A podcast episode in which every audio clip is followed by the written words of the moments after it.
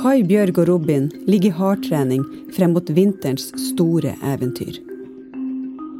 Om bare noen uker er planen å gå til toppen av vulkanen Berenberg. Men for å klare det må de trene, med kortere turer først. Bjørg skriver hjem til sin venninne Kari. Skal en ha sjanse å komme seg opp på Berensberg til våren, er det bare å stå på. Norges eneste aktive vulkan. Jeg må i hvert fall prøve.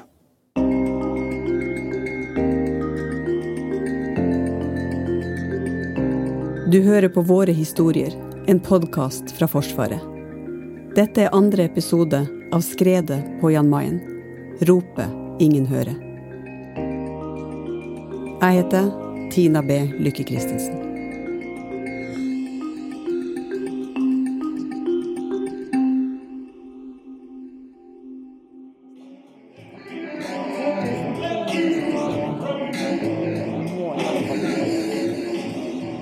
Det har blitt nyttår på Jan Mayen. Før klokka tikker seg frem til 2021, fremfører Stian og Robin Back in Black. ACDC-låta har ljoma i veggene i ukene før jul. Det er Robin som synger. Han er frontvokalisten i Beren Band, til stor begeistring for resten av besetninga.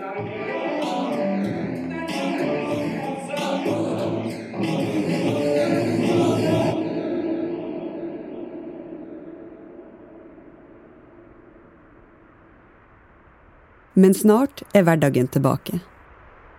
Det er en uvanlig snørik vinter det her året på Jan Mayen. Temperaturen går litt opp og ned, men det blåser mye. På Jan Mayen er det mørketid mellom 20. november og 21. januar. Og Bjørg, som jobber som sykepleier på stasjonen, lengter etter sol og varme. Hun melder med venninna Kari på Messenger. Dette her er skrevet 12. januar. Da sitter meg og mannen min i, i lysthuset vårt eh, hjemme og eh, har tent lys og drikker vin. Bjørg kom jo ofte på besøk når vi satt i lysthus og drakk vin. Så skriver jeg her til hun Bjørg. Nedbrenning av adventslys. Usikker på om det er innafor i januar. Skikkelig snøvær fortsatt her. Har rota fram sparken og tatt meg en tur. Det er ikke hverdagskost. Hvordan har du det, skal tru? Personlig har jeg nå begynt på nedtellinga til april. Så svarer hun da. Klart jeg må brenne ned adventslysa, da er en jo klar til vår og sommer. Her er det fortsatt vinter, ikke veldig kaldt, og sola er på plass igjen den 21. Og da lysner det fort. Det gjør det forresten nå også. Det blir veldig stas å komme hjem igjen, men jammen har jeg vært heldig med tidspunktet for ekspedisjonen min.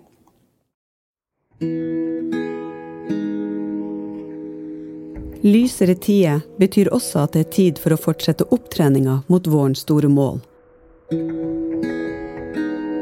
De har fortsatt et par måneder igjen å forberede seg på, og flere treninger de skal igjennom. I det januar tikker mot slutten, planlegger Kai lørdagens langtur for den lille gruppa. Ei rundløype på 7-8 km opp fjellet bak stasjonen og ned på den andre sida gjennom Borgdalen.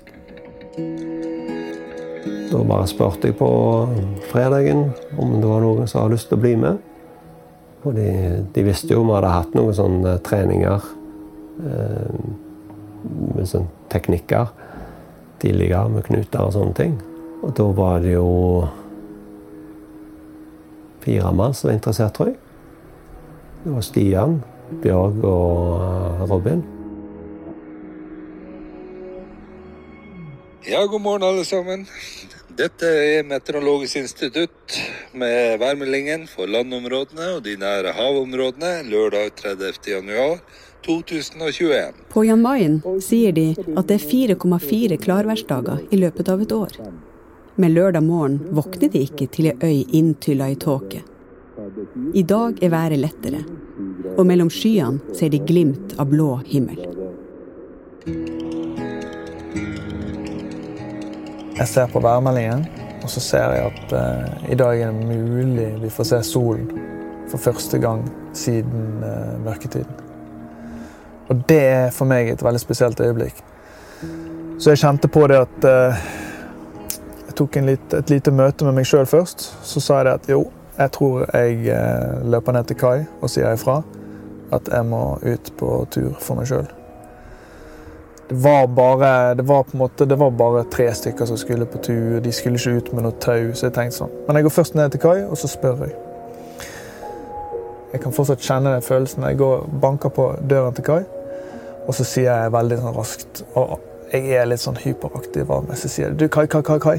Jeg lurer på om jeg er nødt til å dra på tur for meg sjøl i dag. For jeg, jeg, har et bilde som jeg er nødt til å ta. Og så sa Kai det syns jeg var en god idé.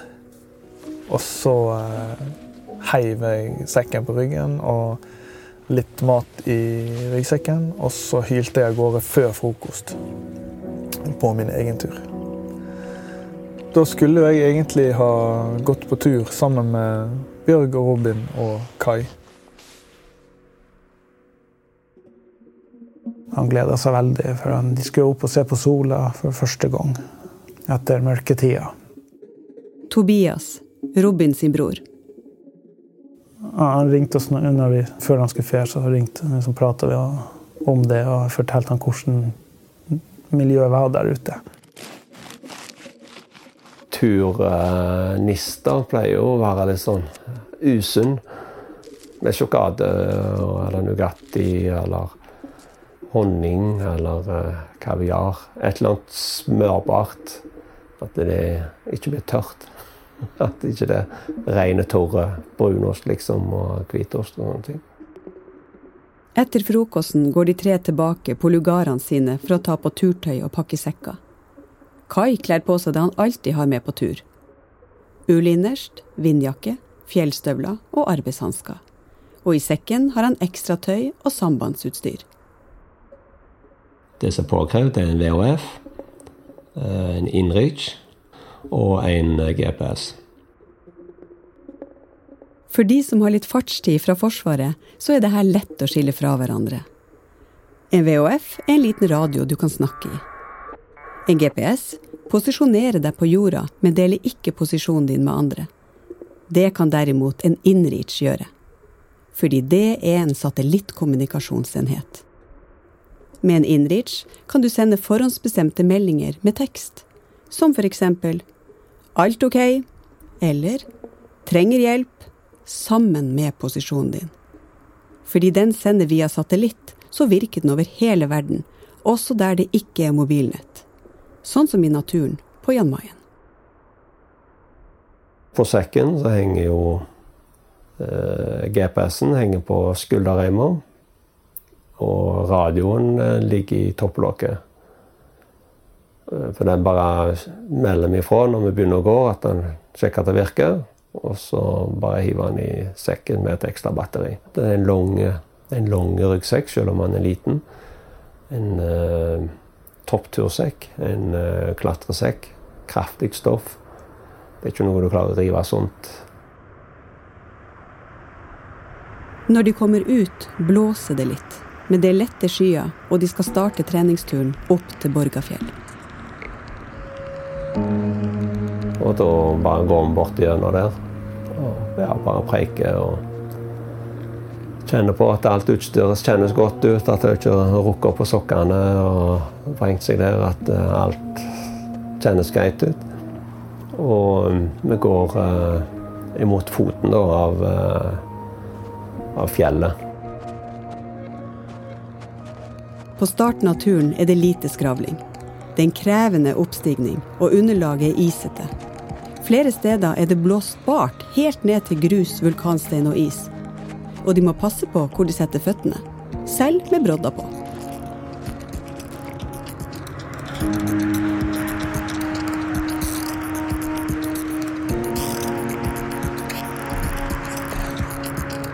Når den bratteste stigninga er overstått, tar de en liten pause. Jeg husker at uh, Bjørg, nå holdt på å ta av seg, så ta av seg broddene, da blåste vi over ende. Liksom, ikke noe mer dramatikk enn det, men liksom, jeg husker at hun flirte litt når hun blåste av ende. For det var liksom litt uforberedt. Og fikk på oss trugene der, og så, uh, så Stemningen var lett, den. Og liksom nå, oh, nå, nå var det tyngste jeg har gjort, liksom. Eh, og da kan vi bare begynne å nyte turen. Og utsikten er jo god. Stasjon eh, ser vi rett nedpå. Eh, ser du mot sør, så ser du mot eh, garasjene og tankanlegget. Og snur du mot nord, så ser du flystriper og meteorologisk stasjon. Rett imot nord så ser du Berenberg. Den ligger da i skylaget, da, kan du si, toppen. Eh, og du eh, ser ikke så mye mer vestover, for der er det liksom flere fjell og krater som dekker det utstyret. Men det er liksom stort sett hvitt. Vi ser det. Det er veldig sånn kupert, hvitt terreng. Ja, så bare begynner vi å gå og preike og stoppe litt pauser og drikke. og Kai, Robin og Bjørg går gjennom det vindfulle skaret. Løypa de følger er ikke merka, men pga. formen på landskapet så ser de lett hvor det er naturlig å gå oppover, gjennom dalen. Etter hvert som de beveger seg innover i dalen, blir vinden svakere. Vi tar det med ro og eh, går i fint tempo. og Vi har ikke noen lange avstander mellom oss og sånne ting. som det er Prøver å veksle på hvem som går først. Og, og, men når du begynner å komme opp på enden av toppen, så begynner vinden å ta seg opp igjen.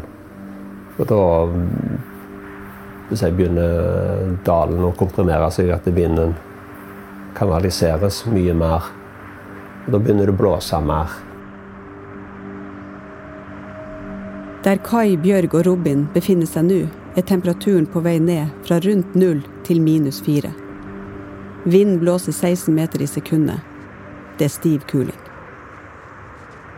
Eh, når vi kommer opp der og skal begynne å bikke ned mot Borgdalen og eh, selve Borgfjellet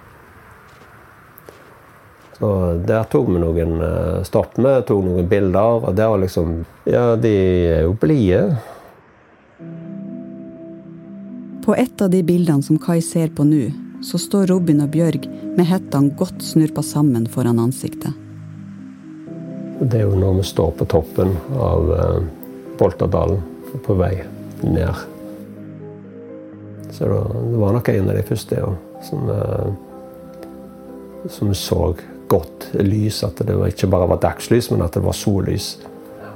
Med gul og oransje baki der. Rundt dem er det sånn magisk vinterlys. Som det blir når sola kjemper seg gjennom et tynt skydekke. På bildet så kan man se at vinden har virvla små snekorn opp i lufta. Og Robin han myser lett for å kunne se. Han har på seg det nye turtøyet han hadde kjøpt etter å ha rådført seg med broren sin Tobias før han dro. Ei grønn allværsjakke og gode, blå turbukser.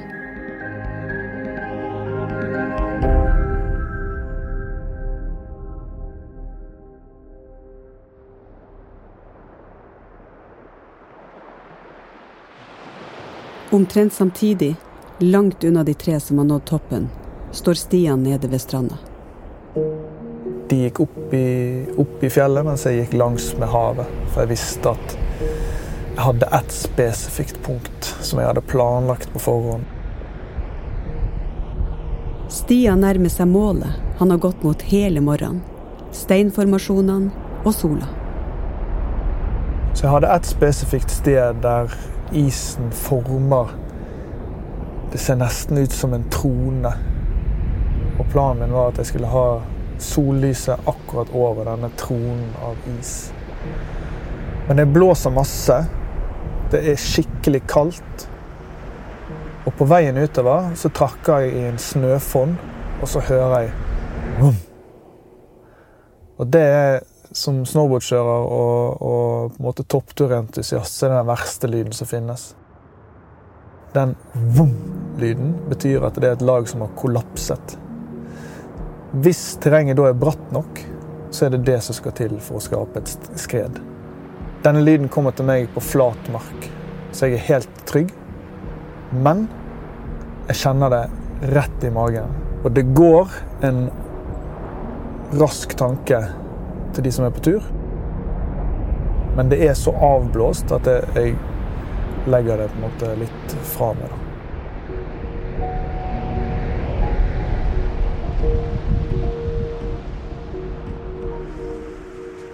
Tilbake øverst i Borgdalen er Kai, Bjørg og Robin i ferd med å starte på vandringa ned mot stasjonen. Når vi kommer i enden av Borgdalen, altså når vi begynner å gå ned, så krysser vi jo den faste stien som går over til Gamlevera, på vestsida av øya. Gamle Vera. Det er ei hytte på andre sida av øya. De skal ikke dit i dag. Nå har de nådd toppen og er på vei hjem til stasjonen. Den, det er en av de mest brukte stiene. Så de er markert med, med armeringsjern. Så er slått ned i bakken, og så er det garnkuler som er tredd på. Det er jo sånn som vi finner på strendene overalt. Så de gjenvinner vi det til å lage merker. Så de er tydelige, for eh, det pleier å være mye tåke, som sagt. Og da er de ganske tett, sånn at vi ser fra, fra merke til merke. Da kan det være at det er ei kule som henger høyt oppe, sånn at den skiller seg godt ut. Da. Og når vi begynner da på nedstigningen eh, på den stien, da, da begynner det, da er det føyker rundt oss. Så ser vi jo to skygger i det fjerne med to som er på vei opp. De bærer tungt. De har jo med seg ved og alt mulig til hytta. Til været der.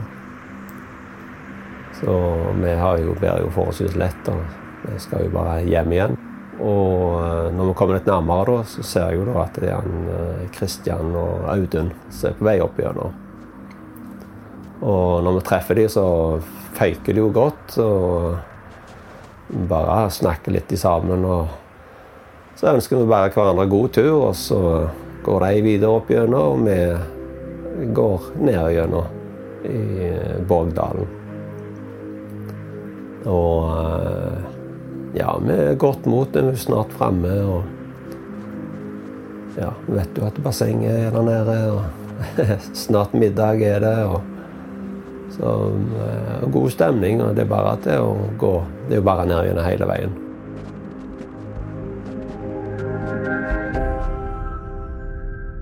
Klokka er nå rundt halv to. Turfølget har vært ute på tur i tre til fire timer. De følger sporet til Christian og Audun i starten, men så føyker det sånn til at de mister det av syne. Vi har på oss uh, hettene, alle tre. Uh, går på rekka ned gjennom. Vi har ikke truger på oss. De tok vi av oss på toppen av Borgdalen. Uh, det er litt mer behagelig å gå ned gjennom uten truger. Og selv om det synker litt ned i snøen, så gjør ikke det noe sånn sett, siden det er ned gjennom. Så er det bare til å gå ned gjennom i sånn behagelig tempo.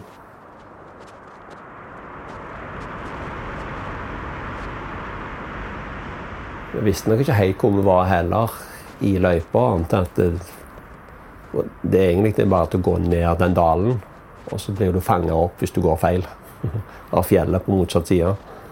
Så går vi. Plutselig så ser jeg en bevegelse på venstre side. Rekker så vidt å bare ta et skritt til, så kjenner jeg bare at eh, beinet blir skudd vekk under meg. Av snø. Og jeg, i de samme sekundene så visste jeg at det var et snøskred. At vi sklei ned igjennom.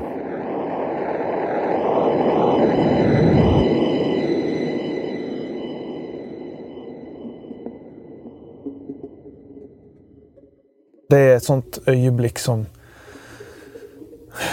du bare får kanskje én gang i livet. Helt alene på kanten av storhavet på Jan Mayen. Foran meg er det en trone av is, og etter to og en halv måned uten sol, så plutselig, som ved et trylleslag, så sprenger solen gjennom skyene. Og så blir himmelen så intenst rød og oransje at eh, jeg sto og skrek inni hetten av glede. Og jeg kan huske at det blåste så mye at jeg nesten ikke hørte mitt eget rop av glede. Så det var kaldt og, og hustrig, men det var så ufattelig fint. Og eh, omtrent eh, nøyaktig samtidig som eh, Omtrent nøyaktig samtidig som jeg tar det bildet, så går skredet. Men det vet jo ikke jeg på det, det tidspunktet. For jeg står helt alene på tur og er i eh, dyp lykkerus.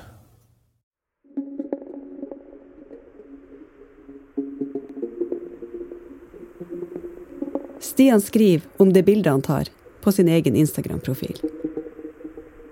Bildet som ligger ved her, ble tatt like før katastrofen rammet vårt lille samfunn. Det var første gangen i år at jeg fikk se solen. Aldri har verden vært så lys. I akkurat det øyeblikket var jeg lykkelig. Like etter blir det mørkt på Jan Mayen. Bekmørkt.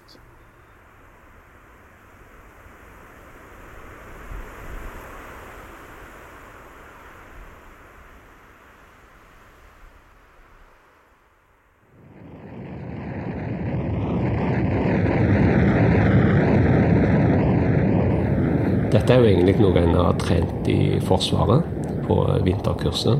Å passere eh, skredfarlig område. Eh, vi hadde jo ikke truger på. Det har jeg ikke på når du går ned gjennom bakka.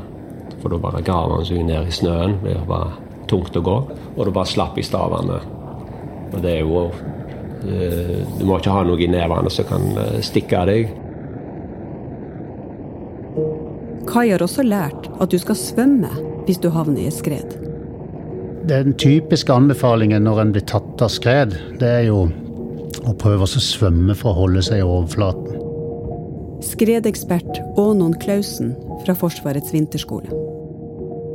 Å svømme betyr at en eh, rett og slett gjør store veivebevegelser med arm og bein for å prøve å holde kroppen eh, så høyt som mulig i skredmassene. Og hvis du har stave på hendene, så kan jo det være en, en umulighet å gjennomføre.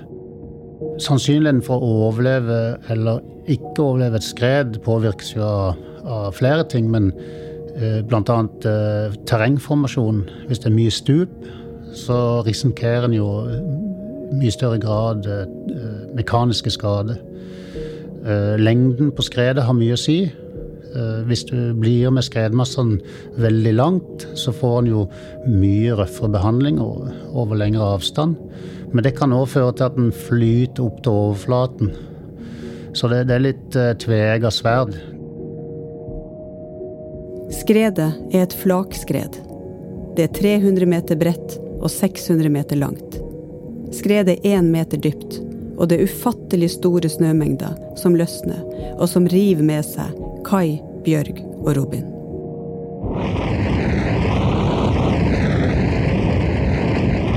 Snøen røyser Kai nedover dalsida mens han svømmer for livet.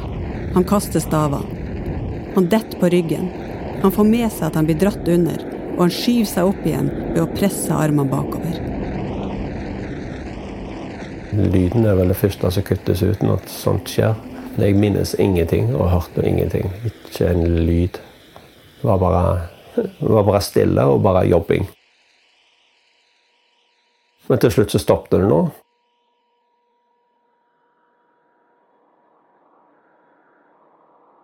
Kai har snø opp til hoftene. De er helt låst fast. Han rekker å legge merke til at han står rett opp og ned, og at han er lett foroverbøyd så kom det, kjente jeg et slag til. Da var det nye bølger som kom, tydeligvis. Og da kjente jeg at da, da flytta beinet seg òg. Liksom både under kroppen og over kroppen. Og da jeg, jeg kikket opp når dette skjedde, og da så jeg at snøen vokste opp over hodet på meg. Og jeg er en, sånn, en meter over hodet mitt.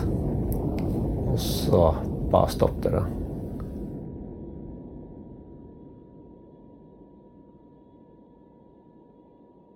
Og det var jo helt dørgende stille. Ikke en lyd hører du. Akkurat som ligger i snøhula. Du hører bare eh, blodet som bruser i ørene. Bare, det er ingenting, hører du. Så lå jeg der en liten stund og så ingenting. Nå hadde jo masse snø og sånt i øynene. Vottene, nevene, hadde jeg før over nesen og munnen. For en liten eh, luftlomme. Og når det sto i, i ro der da, og så skjønte jeg jo at det begynte å koble hjernen etter hvert, at ok, nå sitter jeg fast. Nå lurte jeg på hvor er de andre, liksom, så da bare brølte jeg ut. Ropte 'hjelp' eh, tre-fire ganger. Ikke lyd. Ikke en dritlyd hørte du. Helt stille.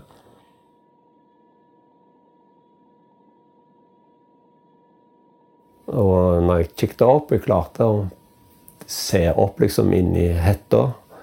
Da bare så jeg at det var litt blått der oppe. At det var ei sprekk. Så jeg klarte å se himmelen. Vet ikke, kanskje en uh, halv meter lang og 10-15 cm breie sprekk. Altså en meter over deg.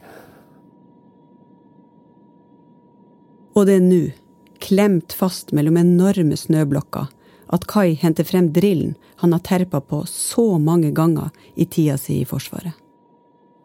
Og da er det jeg, Har en huskeregel hvis ting går galt, og da er det stopp. Så jeg husker regelen, liksom. Det er stopp. Stopp med det du gjør. Tenk. Observer og planlegg. Den er militær, og jeg tror nok en del med sivilordboka, den, da. Eh, men det er militært jeg lærte den. Og eh, da må du bare få et overblikk hva som har eh, skjedd, og bare tenke Kai tar en selvsjekk. Tar runden, strammer musklene, begynner helt nederst med tena, drar de til, ned igjen, krøller tena, strekker ut tena eh, ankelen. Bøye tærne ned, bøye ankelen ned, bøye den opp. Leggen. Bøye kne bak oppigjennom. opp gjennom. Han strammer leggene, lårene, opp til ryggen, armene, skuldrene. Han kjenner ingen smerte, men han kjenner hvor trangt det er. Det var ingen plass å bevege seg. Det var ikke en bevegelse. Ikke en millimeter hvis du har slåss eller tulleslåss, og du eh, blir holdt fast det, det, er ikke i nærheten av dette engang. Det var liksom Det var, ikke, det var kun til når jeg klarte å bevege og uh, inni skoene. Jeg klarer, ikke, jeg klarer ikke trekke pusten skikkelig. For jeg klarer ikke å utvide magen og brystkassen. For det ligger jo press på hele tida. Så jeg får bare sånn korte pust. Så jeg må ikke få panikk eller noen sånne ting. At jeg øh. Men eh, du klarer ikke å trekke pusten. Du klarer bare å puste litt sånn overflatisk. Mest mulig, sånn at jeg ikke bruker lufta om igjen. Jeg må få bytta den ut. Prøve å tenke på at jeg får tømme hele luftrøret og ny oksygen hele tida. Så alt dette spinner i hodet. Først da jeg tenkte liksom OK, eh, sånn jeg skal daue. OK, greit nok. Uh, men kroppen fungerte jo ennå. Uh, så det var jo ikke Det var jo ikke vits i. Det var dumt å gi opp, sånn sett. Viljestyrke er noe jeg har. sette meg mål. Oppnå det, alt det greiene der. Da, ja, da må jeg bare prøve å komme meg løs. Jeg må få armene løs. I en situasjon hvor du har eh, liten luftlomme, du har lite bevegelsesfrihet, eh, du står egentlig fast, så er det veldig naturlig at første reaksjon er total panikk, klaustrofobi og en redsel for at kommer jeg til å dø eh, her og nå? Cecilie Kora Langballe er psykolog og jobber på Institutt for militærpsykiatri og stressmestring i Forsvaret. I militær utdanning så er man opptatt av at man skal greie å ha et mentalt overskudd eh, når eh, du er i noen av de mest stressende og pressende situasjonene mennesker kan forestille seg. Det er like normalt, selv når du er trent eh, for å skulle håndtere og takle en sånn type situasjon, så vil det være like normalt å få panikk. Når man er i en tilstand av panikk, eh, så må man jo først prøve å jobbe med panikkfølelsen. Eh, hvordan kan jeg dempe mitt eget stress? Eh, og hvis man da har trent på og har ferdigheter og verktøy som f.eks.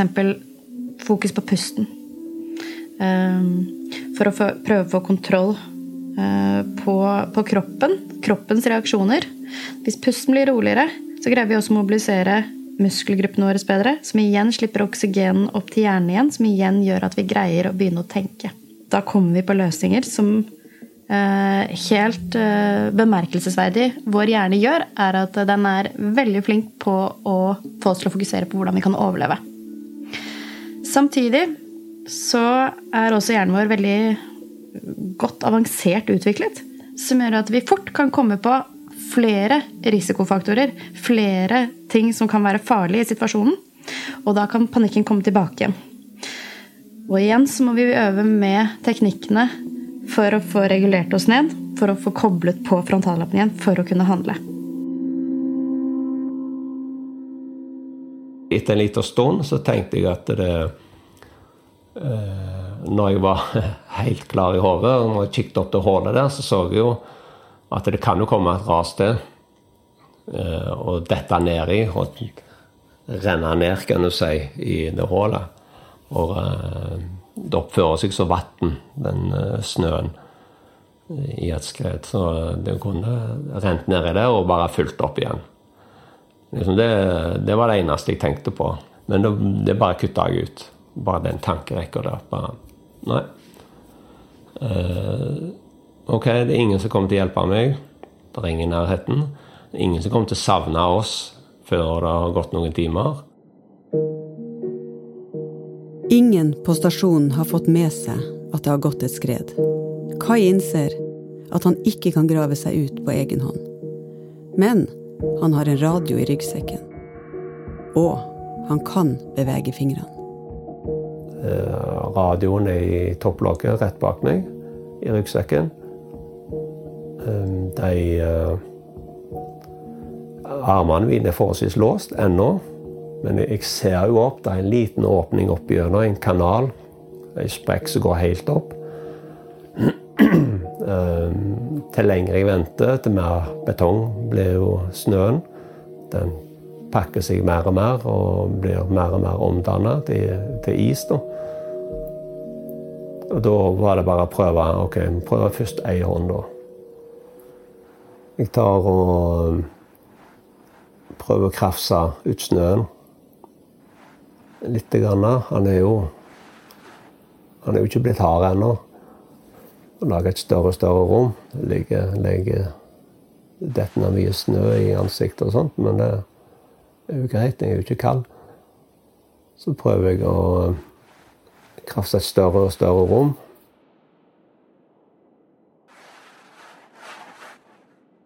Til slutt klarer han å bevege albuen lite grann slår han opp, slår han ned. Alt er klare. Presser på, slår opp slår ned. Så kjenner jeg at det gir litt etter på snøen. Og bang, plutselig så kommer hånda inn i sprekken. Da kjenner jeg at nå, nå er jeg på vei. Eh, nå klarer jeg å bevege hånda opp og ned.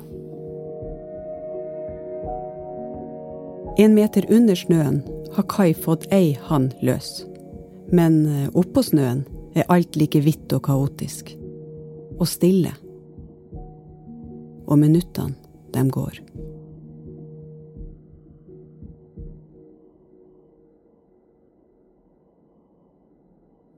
Og da begynner jeg altså å skrape snøen med hanskene på meg.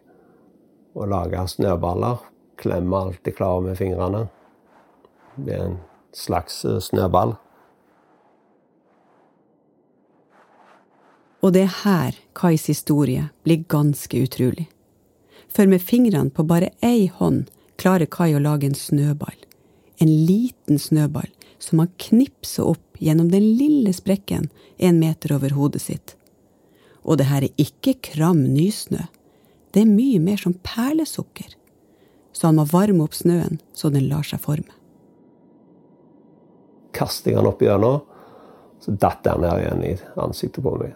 Prøver en gang til. Klemmer tak i den. Kaster enda hardere, og der forsvant han ut. OK, nå skjønner jeg at nå må jeg hive alt jeg klarer hver gang. Sånn at det ikke At det ikke ramler ned igjen. Så nå har Kai funnet en metode. Krafse snø, klemme sammen med ei hånd og kaste ut snøballen gjennom sprekken. Om igjen og om igjen og om igjen. Og plutselig det kommer armen gjennom. Den venstre albu. Nå er venstre albue fri, og nå kan jeg strekke opp begge nevene opp imot uh, den sprekken. Endelig blir Kais arbeid mer effektivt. Nå kan han lage snøballene to, tre, fire ganger større. Når jeg holder på å grave, så tar jeg noen pauser av og til. Og da begynner jeg å tenke at uh, Hvordan går det med dem? Hvor er de henne? Uh, hvor er Robin og Bjørg? Hvor er de? Er, det bare, er de bare gravd ned til hoftene, eller er de helt gravd ned? Det har jeg ikke peiling på. Så tenker jeg OK, kan de ligge langt under snøen? Jeg vet ikke hvor dypt det er snø her. Så jeg eh, begynner å tenke på dem, og så bare Nei, bare kutte ut. Jeg må greie meg sjøl. Jeg, eh, jeg, kan ikke hjelpe dem, og de kan ikke hjelpe meg nå. Så jeg uh, kjenner at hvis jeg graver meg ned i tankene mine nå, så da går det galt. Da får jeg panikk eller et eller annet. Så det Korte mål. Og korte målet er å få fram ett ledd om gangen. Små skritt. Små skritt. Grave videre. Centimeter for centimeter.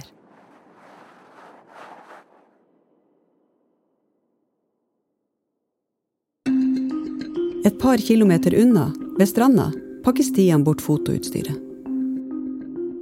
Jeg gikk tilbake til stasjonen, som jeg gjør når jeg har opplevd sånne ting. Og jeg vet at jeg har bilder inne på kameraet mitt som er helt unike. Så er jeg sånn høy på livet. At jeg ikke er nede på bakken engang. Jeg bare, det er ikke kaldt lenger, det blåser ikke. Jeg føler, altså jeg bare er helt sånn uh, ufiltrert lykkelig. Og uh, vet ingenting om hva som foregår. Uh, bare et par kilometer vekke fra meg. Inne på stasjonen, på Robins lugar, ringer mobilen. Det er broren til Robin som ringer faktisk når de var på turen der, så glemte jeg at de skulle på turen, og jeg ringte til han da for å prate med han for å høre.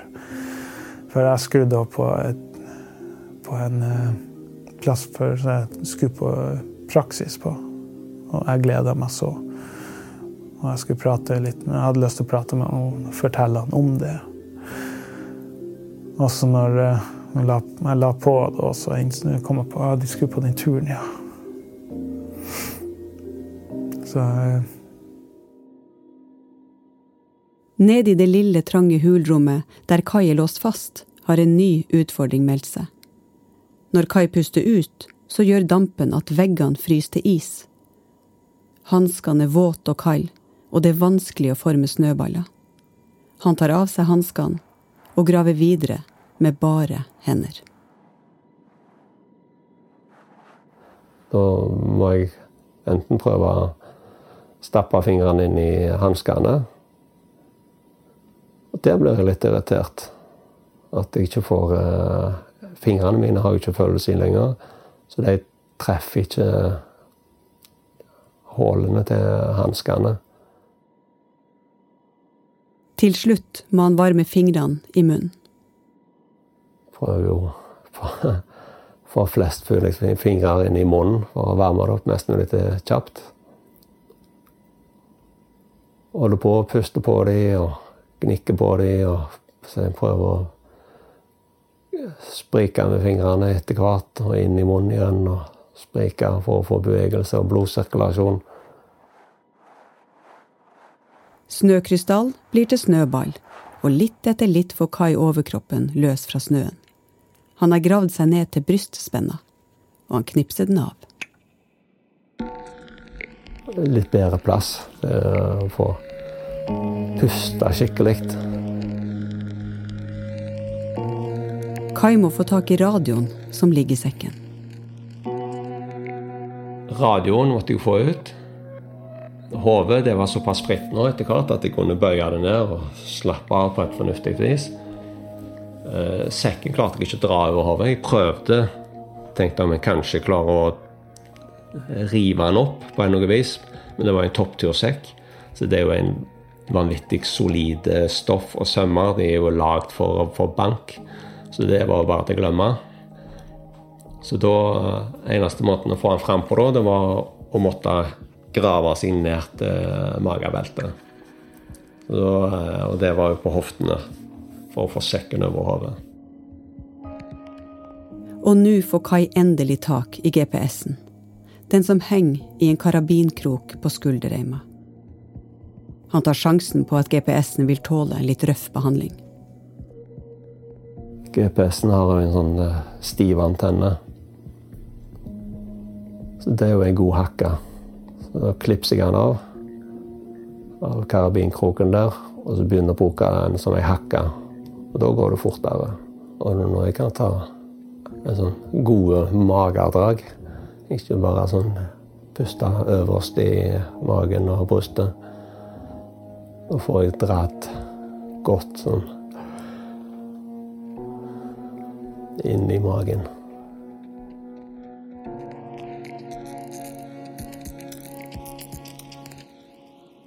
Nuakai lå begravd under snøen i halvannen time. Noe er i ferd med å skje med kroppen hans.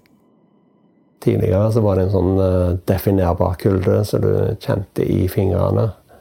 Og litt ned i halsen, der snøen la seg. Men nå begynner det å bli en sånn udefinert kulde som du kjente liksom i, rundt kroppen, på en måte. Men da var det nok naturlig å tenke på at jeg prøver å tenke varme tanker og bare tenker på hva Hva skal vi gjøre når jeg kommer hjem med ungene og samboer? Begynner, begynner allerede da å tenke på turer vi skal gå i sammen. Helst på varme plasser. Tida er ikke på Kais side. Selv med GPS-antenner som hakker, tar det tid å fjerne snø. Men jeg må ha det området for å dra sekken over hodet.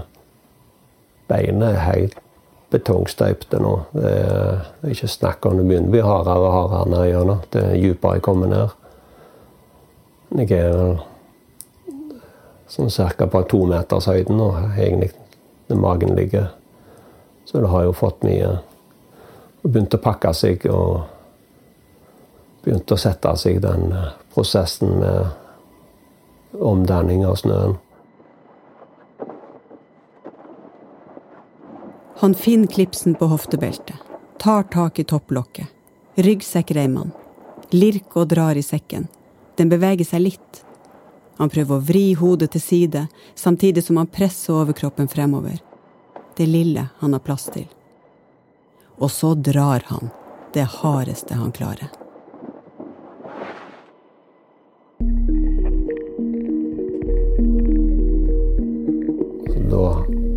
Får jeg dratt sekken eh, foran meg, opp ned foran meg.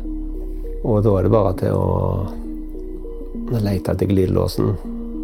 Og da er det bare til å famle inn igjen, opp ned. Og få eh, tatt ut radioen. Oppå radioen så er det to skruknotter. Eh, den ene er skvelsj, eller støykontroll. Og den andre på-knappen og volum. Så jeg eh, vrir på volumknappen og hører det klikke. Og jeg slår den på. Får en sånn liten kvitteringslyd.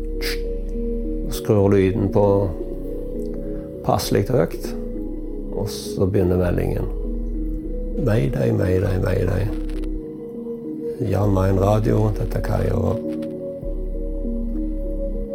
Mayday, mayday, mayday. Jan Mayen radio, dette er Kai over. Ingen lyd. Sjekk at han ja, den lyser. Og da er det bare til å vente.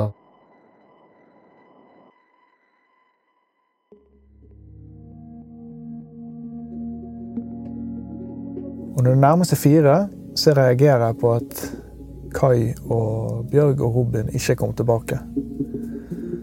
For nå er det på tide. De, de skulle egentlig vært tilbake for i alle fall en time, to siden nå. Men så tenker jeg at de har sikkert sett solen. Kanskje de tok en liten omvei. Kanskje, kanskje de tok seg ekstra god tid. Etter jeg har uh, kalt de opp, så er det bare til å vente. For jeg, uh, jeg vet ikke, jeg har ikke helt begrep på tid. Så det tar, tid, det tar den tida det tar. Og da er det bare til å vente. For nå er jo bortimot fire. Og da er de borte på middagen. Så da går vi og setter oss til middag klokken fire på en lørdag. Jeg tror det er sånn her eh, buknafisk.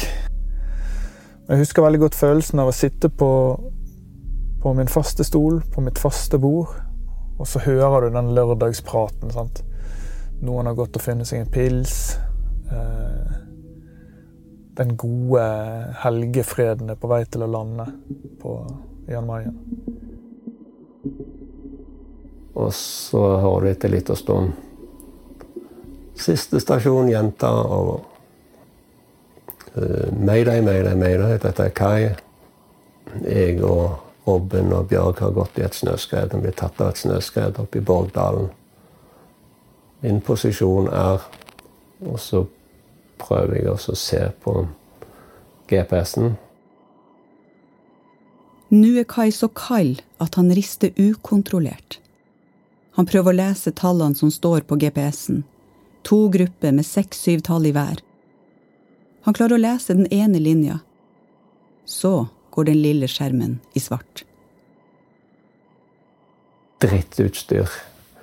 Så jeg tenker for meg sjøl drittutstyr. De er bare irritert på at det er så jævlig dårlig utstyr at det kutter ut akkurat nå.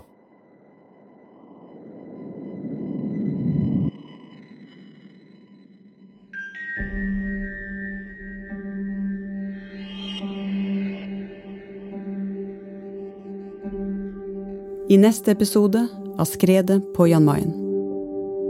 Vi satt i lysthuset hjemme. Eh, Eldstedattera vår var på besøk. Og eh, Det er en plass vi sitter ofte. Vi fyrer i ovnen og sitter der. Og, og jeg kjente jeg var veldig spent. Veldig spent på å høre hvor at dette skulle gå. Eller hvordan det kom til å utvikle seg. Uh, og så uh, Men jeg tenkte at jeg kom ikke til å få vite noe med det første. Så vi satt nå der, og så ringer plutselig broren til Bjørg, da. Og da var det som en eksplosjon oppi hodet.